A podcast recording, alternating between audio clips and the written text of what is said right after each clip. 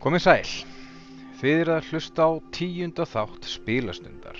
Hlaðvarp um allt sem tengist spunaspilum. Ég heiti Þorsteinn Mar og hefi gegnum tíðina spilað ímis ólík spunaspil sem ég hef gaman af að krifja til merkjar.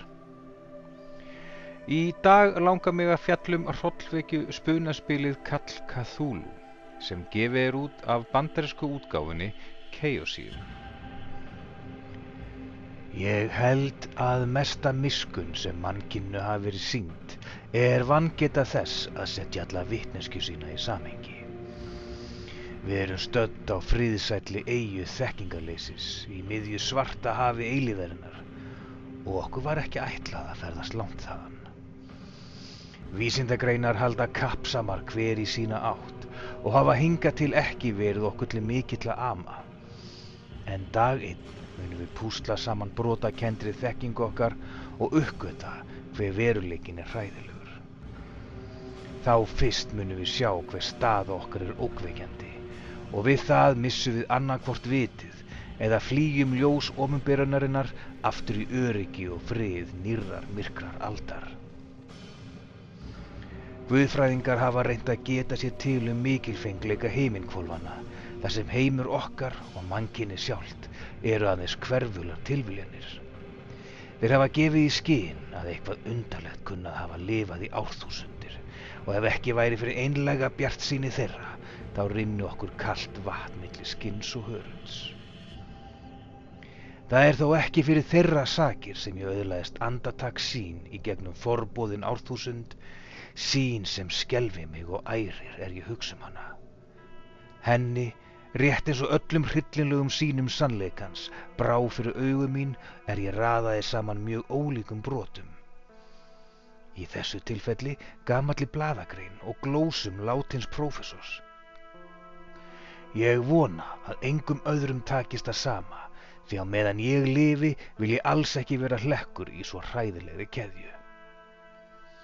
Mig grunar að prófessorinn hafi einni ætla sér að halda þessari þekkingu út af fyrir sig og ef dauða hans hefði ekki borið að með svo bráðum hætti, hefði hann eigðilagt glósu sínar.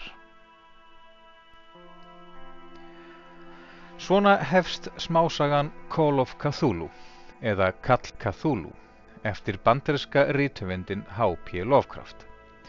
En hún kom fyrst út árið 1928 í tímaritinu Weird Tales.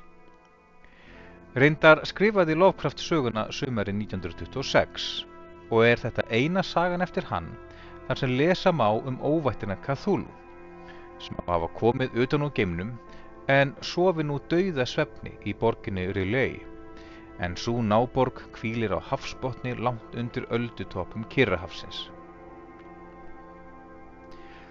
Upphaflega var sögunni hafnað á Weird Tales en vinur Lovecrafts rætti við rítstjóra blaðsins og leti veðri vaka að Lovecraft ætlaði að senda söguna í annað tímarind sem var til þess að rýðstjórin skiptum skoðun. Sagan segir frá Francis Wayland Thurston nokkrum sem þarf að gera upp dánabú frændasins, Angels Professors.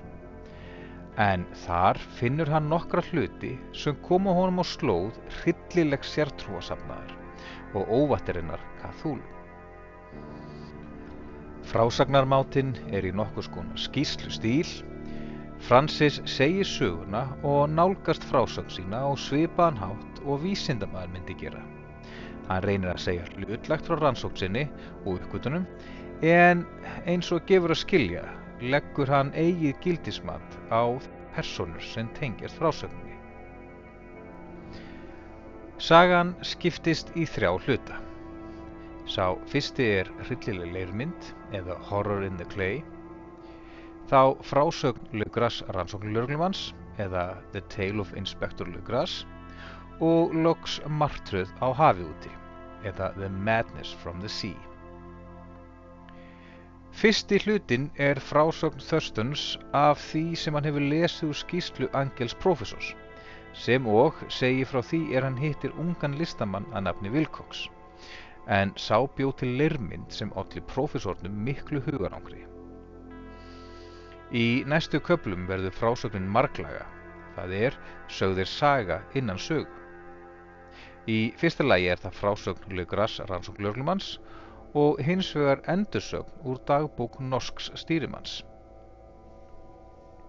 Tekstinn er mjög hlaðinn ef svo mætti orðið komast.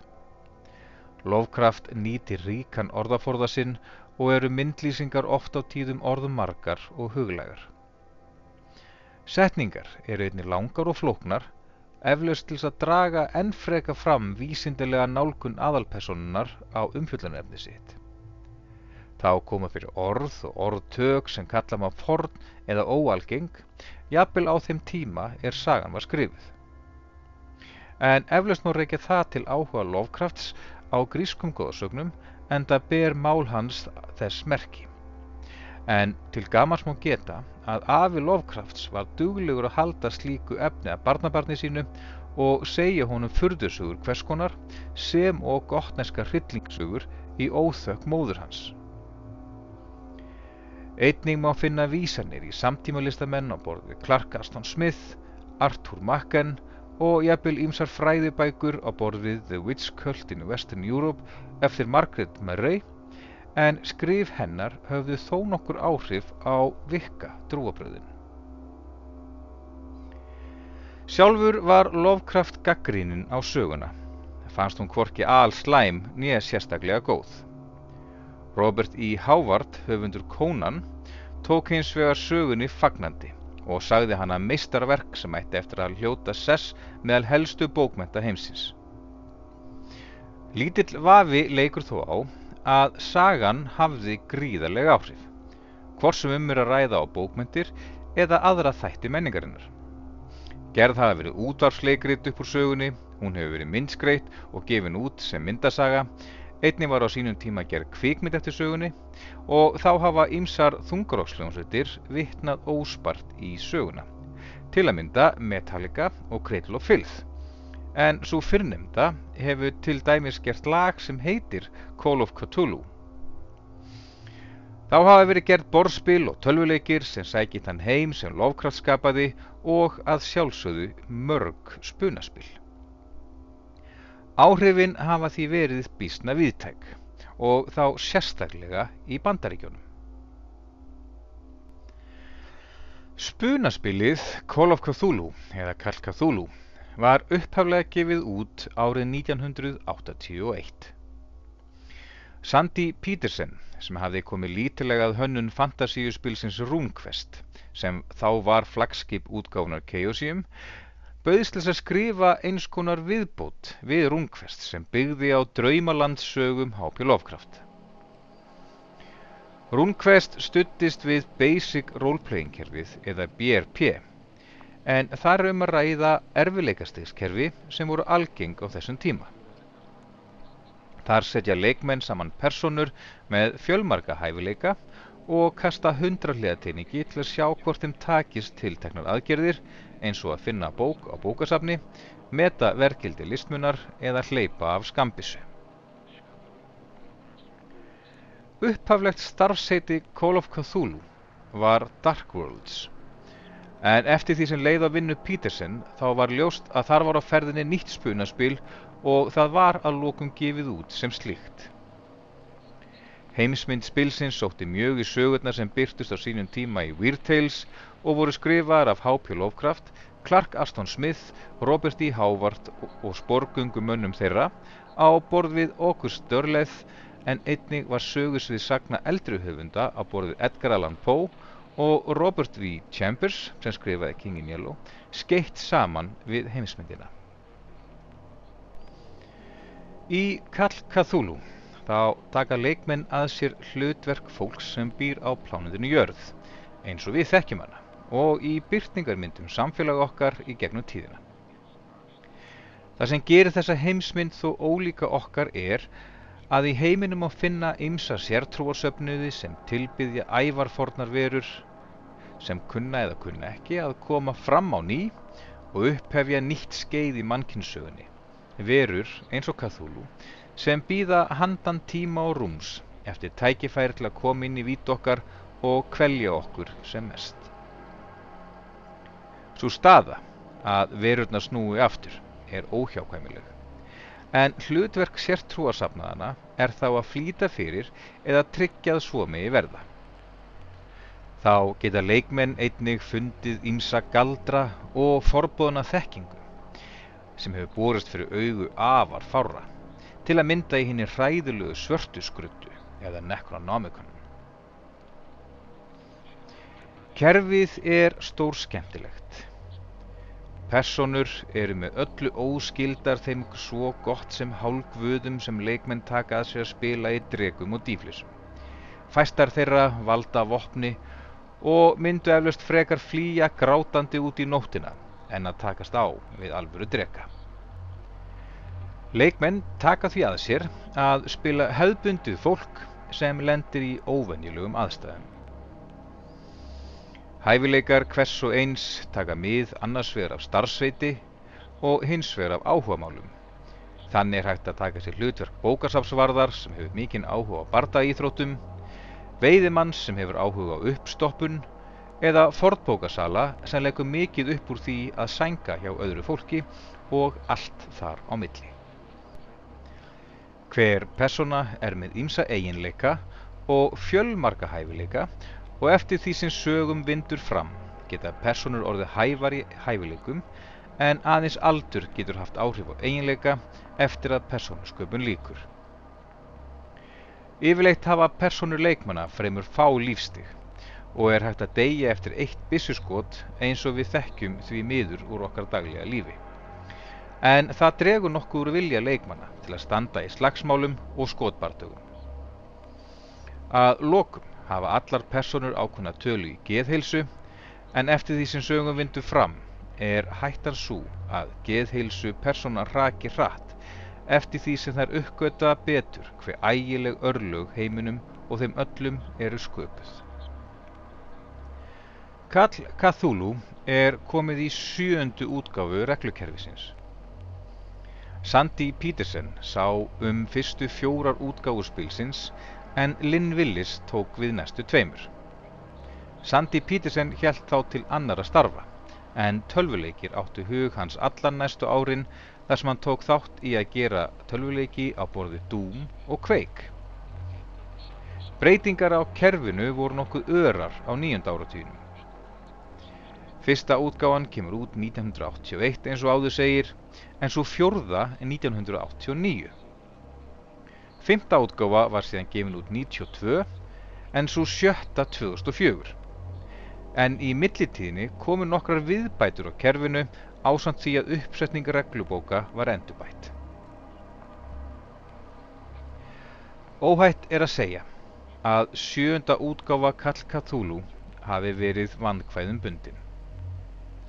Í mæ 2013 ákvað þáverandi stjórn Chaosium að nota Kickstarter til að fjármagna gerð á sjöndu útgáfu spilsins sem var unnin af þeim Paul Fricker og Mike Mason. Þar var lagt upp með að gefa tvær bækur, annars vegar bók stjórnenda og hins vegar bók fyrir leikmenn. Í reglunum var ímislegt uppfært. Til að mynda var búið að fastsetja í kerfið erfileika kasta Þannig að leikmenn þurftu ímest að kasta upp á venjulega hæfileikatölu, hálfa eða eitt fymta hennar. Einleikarnir voru enn til sömu. Geðheilsa rannsakanda var enn mæld sem á hefni, en þekking og hugmynd höfðu verið feld inn í greind og mentun. Eins voru gerðar mikla breytingar á hvernig hefni kom við sögu og var nú mæld með sama hætti og geðheilsa. Þá voru bardagar að mörguleiti ströymlínu lagaðri en áður og heilum kabla þar sem fjalla var um eltingarleiki bætt við kerfið. Hins vegar var stjórnun fyrirtækisins ekki íkja góð og þrátt fyrir að Chaosium hefði sapnað yfir hálfri miljón bandaríkjadala á Kickstarter þá tókst fyrirtækinu ekki að gefa út bækurnar undir þáverandi stjórn. Að lokum fór það svo að Rick Mainz, þáverandi framkvæmdarstjóri Chaosium, sagði af sér og stjórn fyrirtækisins fekk Greg Stafford, uppaflegan stopnanda Chaosium og höfundar Glorantha heimsins, sem margir rungfest aðándur þekkja, til að taka aftur við taumunum. þá var staða fyrirtækisins orðin ansi slæm og Chaosium átti aðeins nokkur þúsund dollara inn á bankabók og skuldaði bæði rítöfundum, listamönnum og prentversmiðin víða. Greg fekk til sín teimi stjórnenda og leikjahönnuða og meðal þeirra var Sandy Peterson og Greg greitti úr eigin vasa svo að gefa mætti út nýjastu útgáfu spilsins. Sjönda útgáfa fekk reyndar ágættar viðtökur og var meðal annars valið besta spunaspilið á UK Games Expo árið 2016. Þó voru margir harkjarna aðdáendur spilsins ekki íkja ánæðir og sá ekki endilega svo mikla uppfæslu eða mikinn mun á sjöttu og sjöndu útgáfu. Og enn öðrum sem fannst óþarfi af hálfu Chaosium að gefa út tvær bækur sem að hluta til innihjeldu sömu upplýsingar. En ekki verður tekin afstæða til þessa hér.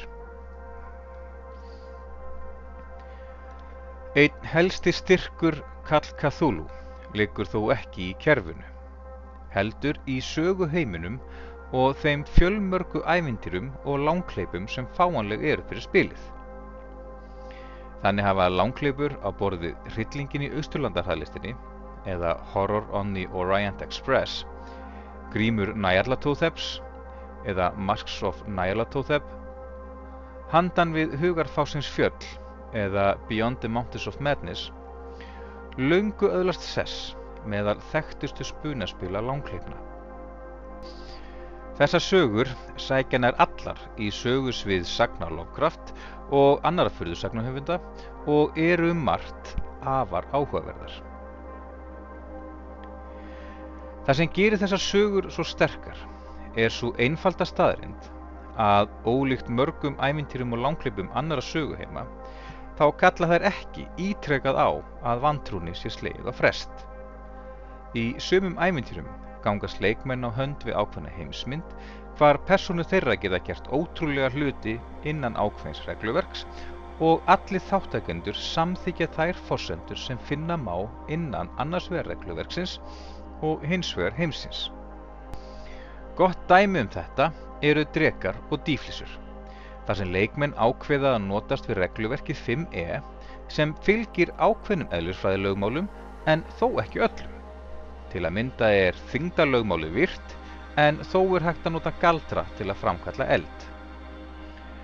Að samaskapi gangast allir leikmenn við þeirri hugmynd að hægt sé að mæta dregum og tröllum á förnum vegi rétt eins og þjófum og velviljuðum farandkaupunum. Hins vegar er sá galli á mörgum útgefnum ævintrum fyrir drega og dýflissur að þar þurfa leikmenn einnig að slá vantrún á frest þegar kemur að heilstæðri framvindu söguheimsins og hlutverk persóna innan hans. Til dæmis mætti skoða söguna Gereyðingargrafísið eða Tomb of Annihilation en við upphaf hennar slá allir þáttakendur eðleri vantrú á frest og gangast á hendur forsendur heimsins en þurfa einnig að slá vantrúni á frest er snýr að þáttöku persónu þeirra.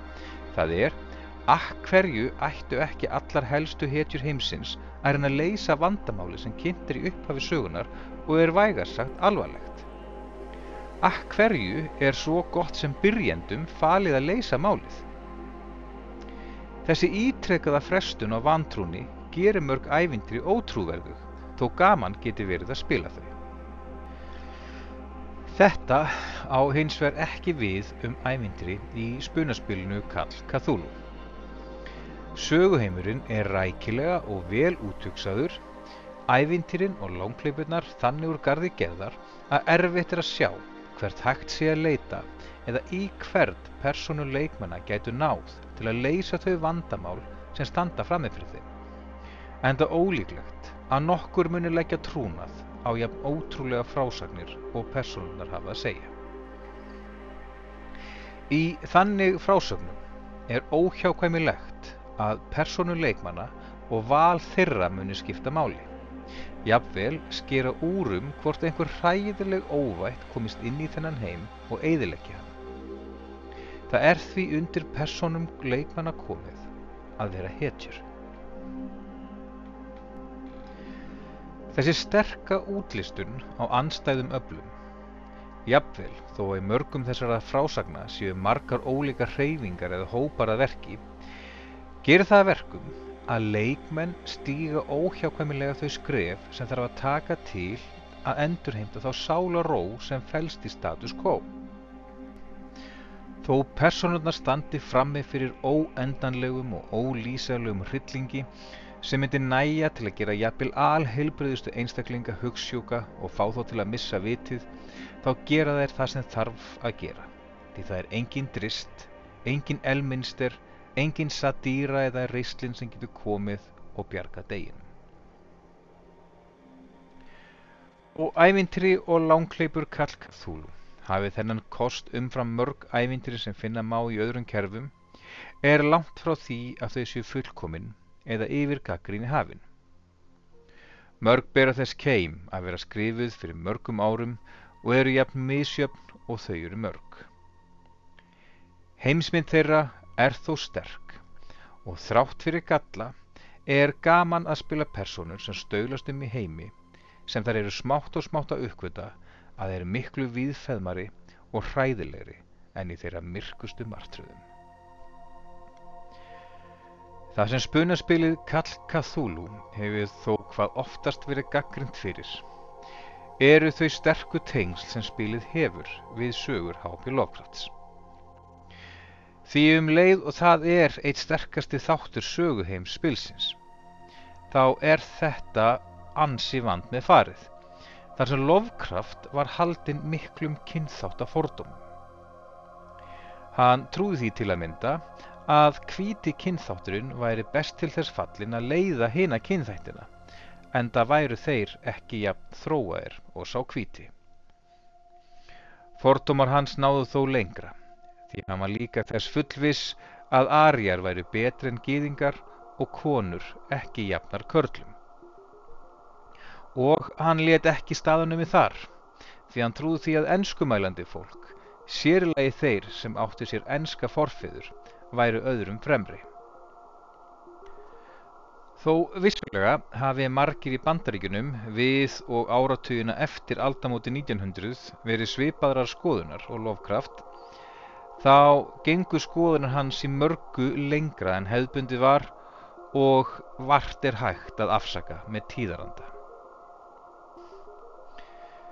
Séu sögur hans skoðar með þetta í huga, má reka augun í margt sem kemur nútíma lesendum spánst fyrir sjónir. Til dæmis er fjalla með afskaplega niðrændi hætti um þá sem voru í sértrúasöfniðinum í fenjónum í kringum New Orleans í sögunni Kall Cthulhu. Má rekast á fleiri slíkar lýsingar í öðrum sögum Lovecrafts þar sem rætt er með niðrandi hættum fólk af öðrum kynþáttum eða kynjum og einna lengst gengur hann í lýsingu sinni á svarta hnefaleikamannum Buck Robinson í sögunni Herbert West Reanimator.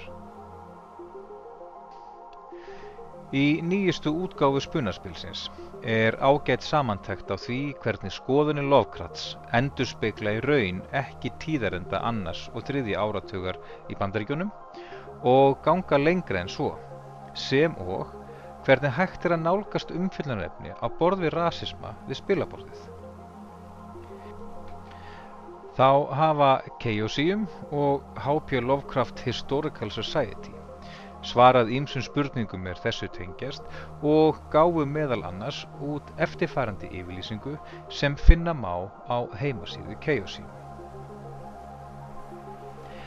Ekki leiku vafi á að margt af því sem Lovecraft skrifaði var rasíst í eðli sínu og endurspeglaði sorglegar skoðanir hans. Þá er einnig ljóst að skoðanir hans milduðust eftir því sem hann eldist og varð lífsreyndari. Lánt er síðan hann lést og ekkert sem við getum gert getur breytt því hver hann var.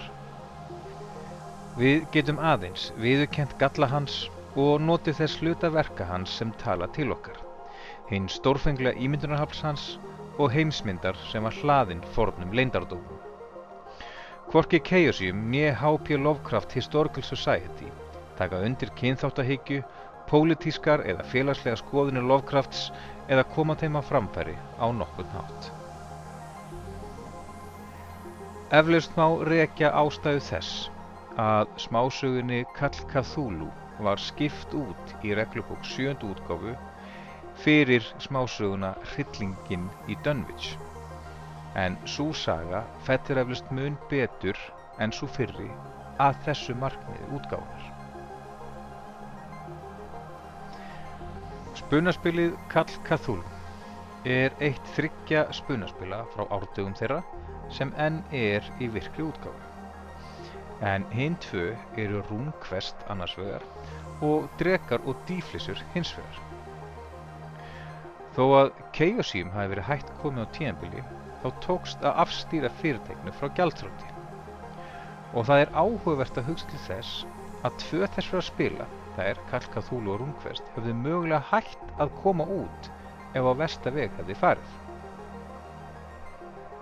Upphaflega stopnaði Greg Stafford Chaosium árið 1975 til að gefa út fantasíu borðspilið White Bear and Red Moon en eftir að hafa verið hafnað af þó nokkrum útgáfum ákvaðan að stopna sína eigin útgáfum.